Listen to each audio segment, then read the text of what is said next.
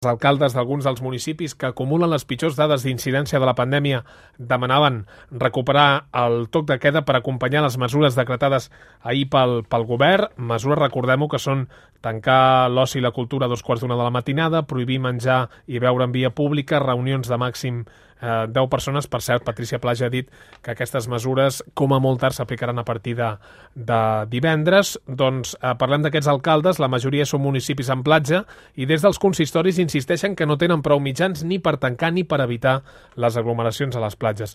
En aquest sentit es pronunciava, per exemple, l'alcaldessa de Barcelona, de Colau, que demana claredat a la Generalitat sobre com s'han d'aplicar les noves restriccions i considera que s'està traspassant la responsabilitat als municipis. El que demanem a la Generalitat és que hi hagi claredat. No pot ser que si la Generalitat de moment ha descartat demanar el toc de queda, d'alguna manera faci un toc de queda informal i traspassi la responsabilitat als ajuntaments que no tenim mitjans suficients per portar això a la pràctica. Aleshores, l'únic que demanem és claredat en la mesura. Es pot fer o no es pot fer? S'han de tancar les platges o no s'han de tancar les platges a Catalunya?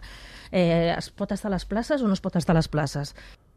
Sensació compartida amb l'alcalde de Salou, Pere Granados, que parla mm, de toc de queda encobert i demana més efectius. Són declaracions a Catalunya Informació. A veure, és que el que tenim és un toc de queda encobert, però amb una problemàtica, perquè, insisteixo, nosaltres tancarem platges i tancarem parcs. Què fem amb les places? Què fem amb els passejos? Què fem amb els carrers? La gent se, la gent se podrà doncs, reunir allà, perquè ja no està prohibit.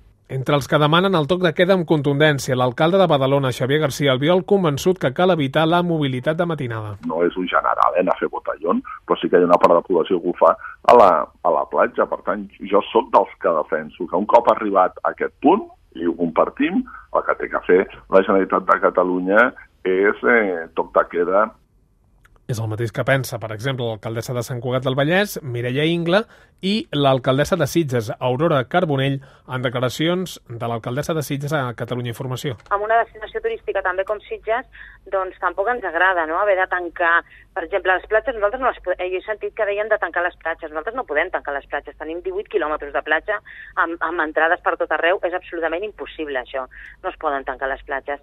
Per tant, si realment el, el risc de contagi segueix, segueix creixent, doncs segurament s'haurà d'acabar fent un toc de queda, això està clar. Opinió diferent la de l'alcalde de Lloret de Mar, Jaume Dolçat, que es mostrava més prudent en relació amb el toc de queda i demanava que es miri de controlar la cinquena onada sense noves restriccions. I per nosaltres, com a destinació turística, òbviament ens provoca alguns, alguns reptes, perquè evidentment la gent està desenvolupant les seves vacances a Lloret de Mar amb normalitat, no tenim tota la gent que hauríem de tenir en un any prepandèmic i el que passa doncs, és que això ens provocarà, evidentment, un sobreesforç en quant a tenir controlada la via pública Dolçat, però, també es refereix, com la resta d'alcaldes, a la falta d'efectius municipals per controlar tot l'espai públic.